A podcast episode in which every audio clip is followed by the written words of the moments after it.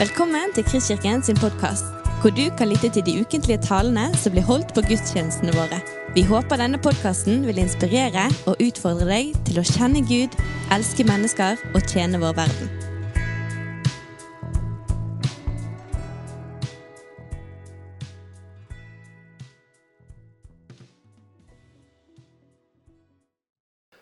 I dag er vi altså kommet til eh, tredje del i eh, serien om eh, Jakobs brev. Og jeg tror man skal ha gått eh, i kirke ganske lenge, eh, eller ganske mye, hvis man eh, har opplevd det før. At man taler seg gjennom hele dette brevet. Så det er jo litt sånn eh, spennende da, på mange måter. Jeg tipper at dere som har gått her i 30 år og i Bergen frikirke, for det har kanskje aldri opplevd akkurat det før. Så det er jo litt, eh, litt sånn gøy. Eh, og så har Thomas sa vel litt første gangen om at dette brevet har vært et av de som faktisk noen mente at det ikke burde være med i Bibelen. Men det har vært det i noen år. Eh, og så er det litt sånn interessant at dette det, Vi kan jo ikke vite, det står ikke sånn eh, at filen er lagret den og den datoen. Så vi kan ikke vite nøyaktig når det er skrevet. Men eh, det, kan, det er gode grunner for, og sånn forskningsmessig gode grunner for å si at det kan være skrevet så tidlig som 50-tallet. Og da er det ikke 1950, altså. Eh, og det er faktisk òg gode grunner for å anta at forfatteren godt kan være eh, Jesu bror. Eh, og, det som er sånn fascinerende, da, er at det ser ut for at han har forholdt seg til altså det som man da kunne kalle for Jesus-tradisjonen, kristendommen, i, i, muntlig form. Altså at han kunne ikke referere til Markusevangeliet, for det var gjerne ikke skrevet ennå. I hvert fall visste ikke han om det.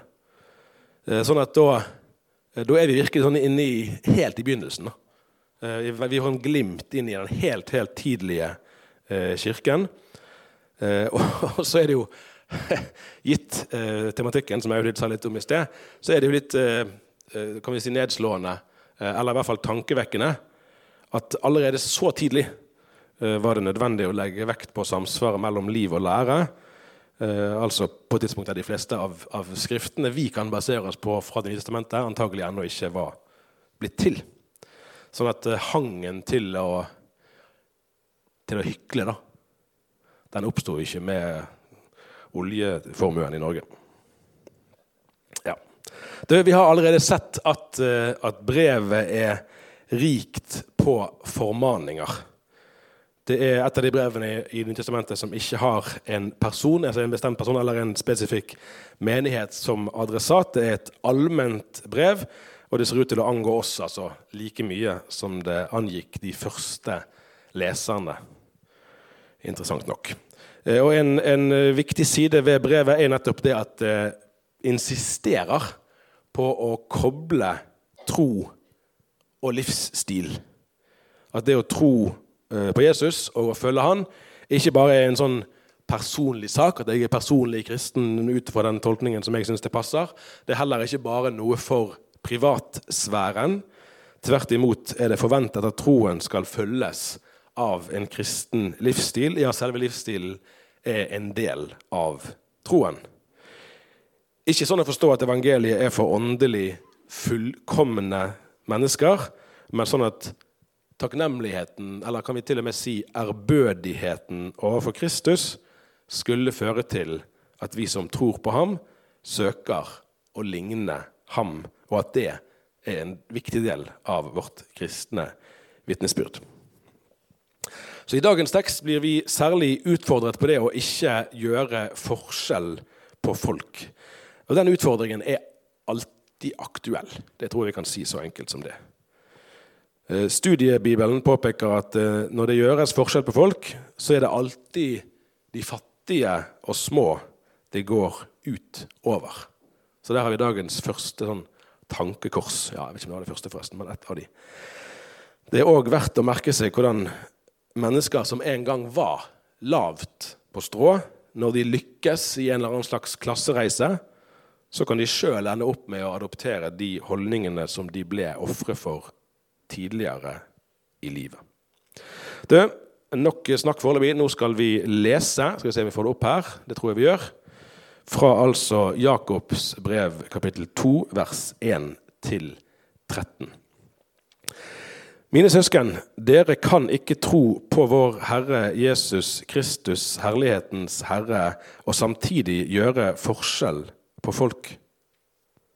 Sett at det kommer to menn inn i forsamlingen deres, den ene i staselige klær og med gullring på fingeren, den andre fattig og i skitne klær. Så legger dere merke til ham med de staselige klærne og sier, vær så god, her er en god plass. Men til den fattige, du kan stå der, eller sett deg her ved føttene mine. Har dere ikke da skapt et skille blant dere?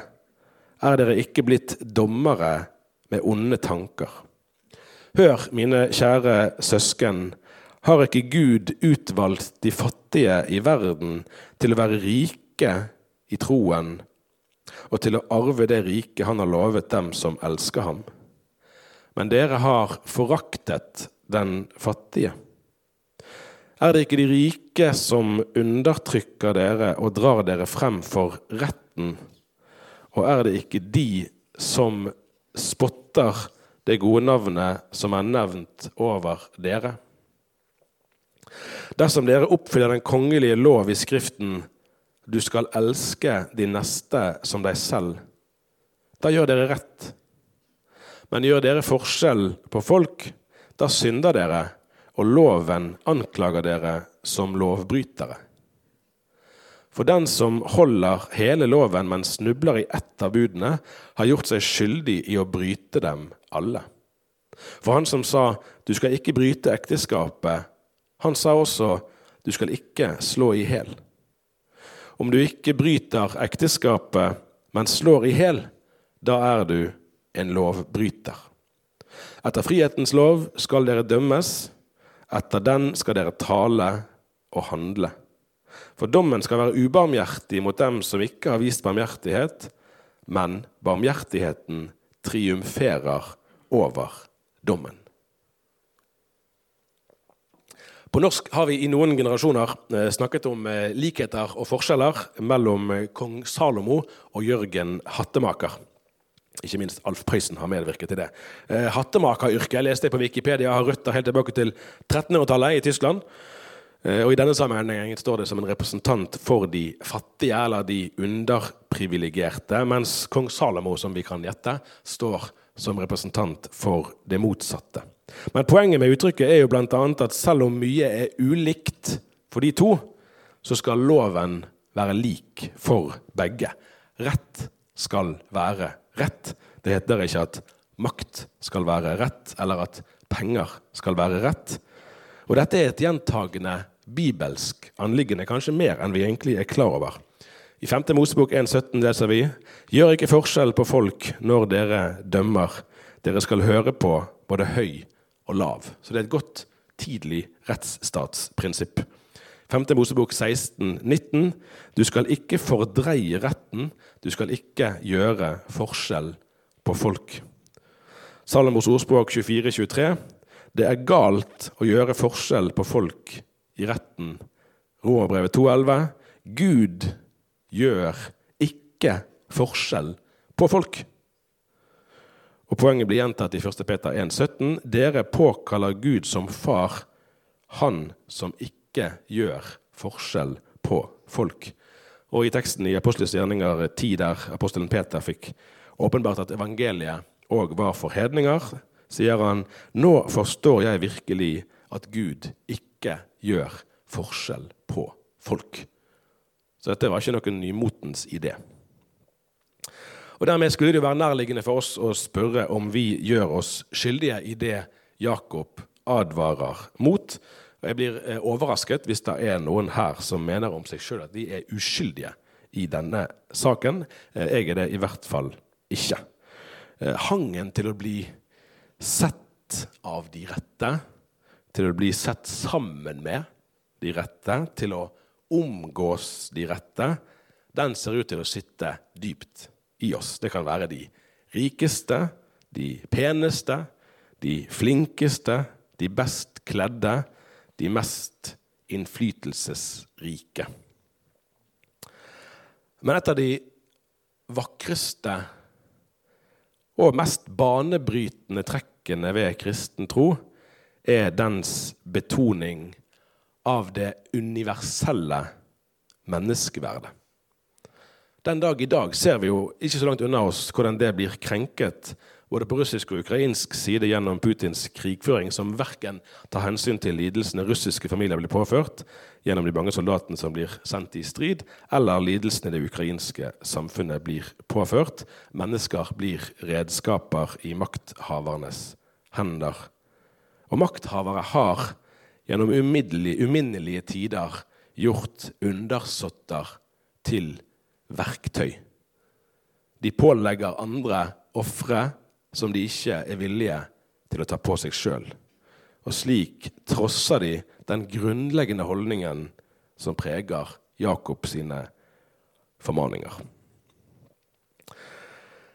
På den aller første platen som eh, artisten og presten Bjørn Eidsvåg ga ut, og da er vi faktisk helt tilbake i 1976 da har han en, da har en litt sånn vekkelsesevangelist, nemlig. Det er ganske gøy å høre på de tidlige platene der. Da har han en sang som berører det Jakob eh, skriver om, som heter 'For ham er vi alle like'. Og der synger han, og da synger han med rulleære og alt, det til studenten fra MF den gangen. De fromme forlot ham da han viste seg blant tiggere og horer. Det passet seg visst bedre å ha omgang med de rike og store. Men Jesus var blitt sendt av Gud for ingen hadde holdt hans bud. Han skulle gi oss alle liv. Og så kommer refrenget. Ja, for ham er vi alle sammen like, både fattige og rike. Vi skal dømmes, alle har syndet, men likevel vet vi vi kan alle bli Guds barn. Ganske godt sagt, det. Jeg hørte en, en, en fin, sånn enkel historie fra yndlingsmenigheten min i England, All Souls Church eh, i London. da jeg var der like før jul. Eh, det engelske samfunnet er visst eh, mer eh, klassedelt enn vårt norske samfunn er fremdeles. Og her var det en, en håndverker som hadde gjort inntrykk på sine kollegaer nå, da, når de forsto at han hadde advokater i vennekretsen sin. Det hadde ikke de. Og disse hadde jo blitt kjent i kirken. Så det var helt naturlig. Og kanskje høres ikke det så spesielt ut i Norge. Antagelig litt mer uvanlig der. Men poenget tror jeg vi forstår. Noe av det jeg liker aller best når vi feirer gudstjeneste, og særlig når jeg får forrette nattverd, er å stå her og se utover menneskene som kommer frem for å ta imot eh, Jesu kropp og blod. Eh, elementene, altså brødet og vinen, de er nøyaktig like. Eh, uavhengig av eh, hvem mottakeren er. Det er ikke noen ekstra store brød eller ekstra store kopper man kan kjøpe seg til ha klippekort. Det finnes ikke noe fast track eller noen eh, VIP-inngang for de særlig privilegerte. For Gud gjør ikke forskjell på folk. Men det gjør vi. Så brutalt enkelt tror jeg vi må si det. Dessverre. Og I teksten vi nettopp leste, så ser vi noen samfunnsforhold som vi ganske lett kan kjenne oss igjen i. Og vi kjenner igjen noen forhold som er ganske ulike det vi er vant til. Vi kan begynne med det siste. For når vi i vers 2 leser at eh, det kommer en inn i forsamlingen med staselige klær eller med gullring, så var det antagelig en senator eller en romersk ridder. Altså to veldig høytstående personer i samfunnet. Og den fattige som til og med gikk i skitne klær, han var antagelig så fattig at vedkommende kunne være en tigger. Og dermed blir kontrastene ekstra tydelige. Det romerske samfunnet var strengere regulert enn uh, samfunnet vårt er på noen områder. Og det å anerkjenne denne ordningen, altså rangordningen, det innebar dypest sett å ære keiseren, som jo var øverst uh, på rangstigen. Og da er det sånn interessant å tenke over at det Jakob da formaner eh, brevets lesere til, det er faktisk ikke bare å være hyggelig og greie, men det er å trosse selve samfunnsordningen. Noen vil kanskje si til og med å sette seg opp mot keiseren. Dette var altså ikke ufarlig. Det var ikke bare at de skulle være ekstra høflige. De skulle faktisk være eh, opposisjonelle eh, mot samfunnsordenen. Eh, men eh, Jakob legger ikke noe bånd på formaningen fordi den kunne innebære risiko. Så dette illustrerer et viktig og ganske radikalt, egentlig, eh, kjennetegn ved kristen tro, som vi leser i Galatane 3,28. Her er ikke jøde eller greker. Her er ikke slave eller fri. Her er ikke mann og kvinne. Dere er alle én i Kristus Jesus. Politiske ledere kan ha ulike tanker om uh, hvilken, hvilken, form for likhet og hvilken grad av likhet som er ønskelig i et samfunn. Uh, og Det kan man jo diskutere lenge vel. Uh, fra et kristent ståsted så gjelder i hvert fall en universell verdilikhet. Men for at det ikke skal bli bare sånn luftig snakk Eh, det skal bli litt mer konkret, så vil jeg bruke en, eh, en referanse fra politikken.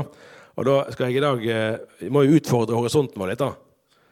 Så jeg skal unngå det som kunne vært det mest opplagte i en kirke, nemlig å sitere noe fra Kristelig Folkeparti. I stedet skal jeg sitere en tidligere finansminister, nemlig Sigbjørn Johnsen. Tenk på det. Som representerte Arbeiderpartiet. Og dette blir litt grann nerdete. Kanskje litt gøy. Jeg syns i hvert fall det. Jeg skal prøve å ikke gå altfor langt da, inn i detaljene. Det får være grenser. I forbindelse med fremleggelsen av statsbudsjettet, som her i landet skjer i oktober, så holder finansministeren noe som blir kalt for finanstalen. Der forklarer hun eller han hvilken tenkning som ligger bak tallene i budsjettet. Nemlig, Allerede nå er vi kanskje på grensen av nerdenivå. I 2013, ti år siden, da holdt Sigbjørn Johnsen sin siste finanstale. Eh, og den var perspektivrik. Og da sa han dette, blant annet. Mange vil si at det er oljen og de store naturressursene som har gjort Norge sterkt. Men det som virkelig gjør Norge sterkt, er vår evne til samarbeid og fellesskap. Vi er blitt sterke ved å løse de store oppgavene sammen heller enn hver for oss. Det fellesskapet han her beskriver, det finnes på tvers av sosiale skillelinjer i samfunnet. Det er jo selve poenget. Og sånn, sånn skulle det jo òg være i Kirken. Det er ikke et mål at alle skal bli helt like, men vi er Guds barn på like premisser. De privilegerte i samfunnet er ikke mer Guds barn enn de som livet har gått i stykker for. Du, nå skal vi gå enda et skritt lenger. da. For det at Sigbjørn Johnsen han siterte ofte dikteren Hans Børli. Og Børli hadde sin bakgrunn fra andre miljøer enn eh, moderne norsk frikirkelighet. for å si det sånn. Eh, men det er noe veldig flott likevel da, i å lese. Og egentlig så eh, Jeg tror det er mye som vi kan kjenne oss igjen i. Selv om språket og bildebruken kanskje er annerledes. Og her skriver han altså om 'dere i dongeri'. Vi kan jo ha ulike det er noen som går i dongeribukse hver dag. Eh, Men det er jo ikke dress og slips, da. Det er vel det som er noe av poenget. Dere i dongeri, dere vil jeg synge om. Dere med det store trollmot og hender som ble harde av tunge tak. Dere som går ut i gryet, dere vil jeg synge om. Dere som bygger i betong og lokker kornsus fram av jord som tidde i årtusener. Dere som løser maskinenes hestekrefter, feller trær i skogene, pløyer havenes plogemark med blinkende bauers stål. Dere med de unevnte navn, dere vil jeg synge om. Dere med det harde handslag, dere vil jeg synge om. Tro meg, brødre, min ømmeste sang, min varmeste tanke gir jeg dere. Altså, dette her er jo arbeiderklasseretorikk. Eh, og, det, noe av det politiske får man vurdere som man vil. Men, men prøv å tenke igjen på hvor mange er det her som, sant, som har holdt på i søndagsskole, i barnekor, i ungdomsarbeid, eldretreff, hva det måtte være, år etter år etter år, i dungeribukse, da, for å si det billedlig talt. Som har vært oppe tidlig, sant, som har de unevnte navn osv. Som ikke har stått så mye på scenen, som har vært lydtekniker i 100 år osv.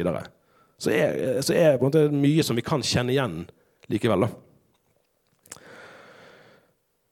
Og Hvis vi flytter dette inn i vår egen tid, så, så er det en del motiver som går tilbake. Sant? Det daglige strevet.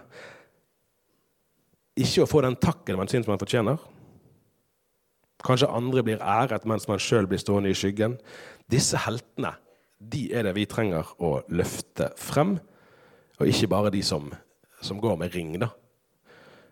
Eller fine klær, eller som heter senator. Nå har ikke vi så mange av de i Norge, men vi har andre ting. Så det skulle ikke være, være bare det å hige etter de prestisjefylte vervene eller de mest uh, populære profilene på sosiale medier. Flest likes, mest penger i banken eller i fond, den flotteste bilen eller den heftigste ferien. Tilbake til Sigbjørn Johnsen. For meg handler politikk om trygghet, tillit og medmenneskelighet, om respekt for hverandre og om folks verdighet om evnen til å ta vare på hverandre på tvers av generasjonene, og at vi er der for hverandre. At vi er hverandres nødvendighet. Og så gjør vi et lite sånn eksperiment. da. Så bytter vi ut uh, ordet politikk med kirke. Og så legger vi til grunn. Sant? Fordi Gud har skapt oss, fordi Gud har sendt Jesus Kristus til verden, fordi Kristus har dødd for våre synder, fordi vi skylder å elske hverandre for meg handler kirke om trygghet, tillit og menneskelighet, om respekt for hverandre og om folks verdighet. For meg handler kirke om evnen til å ta vare på hverandre på tvers av generasjonene, at vi er der for hverandre. For meg handler kirke om at vi er hverandres nødvendighet. Hverandres nødvendighet. Det er ganske sterke ord. Ja. Gikk det greit, det? Det var ikke for mye sånn Ja. det var litt festlig, syns jeg. da. Selv om det er ti år siden. Fin type, Anne Johnsen. Så er det et uh, forhold i teksten som vi kanskje bare aner, men likevel kan kjenne igjen i vers 5, der det står Hør, mine kjære søsken, har ikke Gud utvalgt de fattige i verden til å være rike i troen? Og videre i vers 6. Er det ikke de rike som undertrykker dere og drar dere fram for retten? Eh, vi fornemmer jo her en situasjon der de troende ikke var blant de rike og mektige i samfunnet, men tvert imot ble undertrykt av disse. Og Jakobs brev er jo da skrevet en god stund før kristendommen ble statsreligion i Romerriket. for å si det sånn. I dag er vel kristne menigheter stort sett nokså trygt plassert i det vi ja, kanskje kan kalle middelklassen. Så i hvert fall så langt jeg har kunnet observere. Eh, og om man hadde gått inn i nesten en hvilken som helst norsk menighet en vanlig søndag formiddag, så er vel ikke fattigdom det første som slår mot en. Og da kan vi spørre hva gjør det med oss? Når jeg studerte sammenhengende politikk ved Universitetet i Bergen, så lærte vi at den religiøse deltakelsen i et samfunn, der den, den går ned eh, der den materielle velstanden går opp. Forstår vi det? Altså at Når samfunnet blir rikere, så er det færre som går i kirken. for å si det sånn. Eh, og Det ser ut til å passe ganske bra på vår tid. det. Eh, Gudstroen ser ut til å komme i bakleksen når vi har penger nok. Og Ironisk nok da, så blir det advart mot dette allerede i 5. Mosebok, altså for noen år siden kapittel 8, vers 12-14. Når du spiser og blir mett, når du bygger fine hus og bosetter deg i dem, når ditt storfe og småfe øker i tall, når du får mengder av gull og sølv, og hele din eiendom vokser, vokt deg da, så du ikke blir hovmodig og glemmer Herren din Gud. Eh, jeg har jo mangfoldige ganger, kanskje til det kjedsommelige, sitert fra dagen eh, herfra. Eh, I dag er dagen for å gjøre nye ting. da, hvis tydeligvis. Så i dag skal jeg sitere noe som eh, sjefredaktøren i Vårt Land faktisk skrev like før jul. Bjørn Kristoffer Bore, som han heter. Han skrev om kriminaljournalistikk. Men der sa han noe veldig fint. da.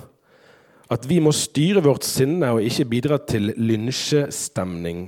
Vi er dypest sett ikke bedre enn forbryteren. Som kristne bekjenner vi i Kirken at vi kjenner lysten til det onde i vårt hjerte, også den verste forbryter er et medmenneske. Det er forbrytelsen vi skal fordømme. Og Da er vi jo tilbake i Lukas 18, 11-14, i lignelsen om fariseeren og tolleren, der fariseeren stilte seg opp for seg selv og ba slik.: Gud, jeg takker deg for at jeg ikke er som andre mennesker, de som svindler og gjør urett og bryter ekteskapet, eller som den tolleren der. Jeg faster to ganger i uken og gir tiende av alt jeg tjener. Tolleren sto langt unna og ville ikke engang løfte blikket mot himmelen, men slo seg for brystet og sa, Gud, vær meg synder nådig. Jeg sier dere, tolleren gikk hjem rettferdig for Gud, den andre ikke. For hver den som setter seg selv høyt, skal settes lavt, og den som setter seg selv lavt, skal settes høyt. Teologen eh, Erling Ruud har skrevet om dette avsnittet at det forhold som Jakob her har tatt frem, er til alle tider den kristne menighets og den enkelte troendes farlige fristelse i denne verden, nemlig å la det verdslige samfunnets menneskesyn bestemme også over det kristne samfunns menneskesyn. Det er en veldig alvorlig advarsel. Det er altså selve menneskesynet det handler om. Så når vi da fordømmer Ikke sikkert vi tenker at vi gjør det, men ser ned på da, de som er fattige på den ene eller andre måten, om de har færre følgere på Instagram og færre likes på Facebook, eller mindre pene klær, eller dårligere bil, kjedeligere ferie, hva vet jeg. Kjedeligere mann, kanskje så er det egentlig oss sjøl vi fordømmer. Og vi kan spørre retorisk Blir det større glede i himmelen over at en rik synder vender om, enn at en fattig synder vender om? Vi forstår at svaret må være nei. Eh, og kanskje, kanskje, kan vi si at eh, Eh, det blir ikke større glede, men det blir kanskje større overraskelse. Ære være Faderen og Sønnen og Den hellige ånd, Han som var og som er og som blir en sann Gud fra evighet til evighet. Amen. Du har lyttet til en podkast fra Kristkirken i Bergen. Vi håper du har blitt inspirert og utfordret i din vandring med Gud. Vil du vite mer om oss, så klikk deg inn på kristkirken.no.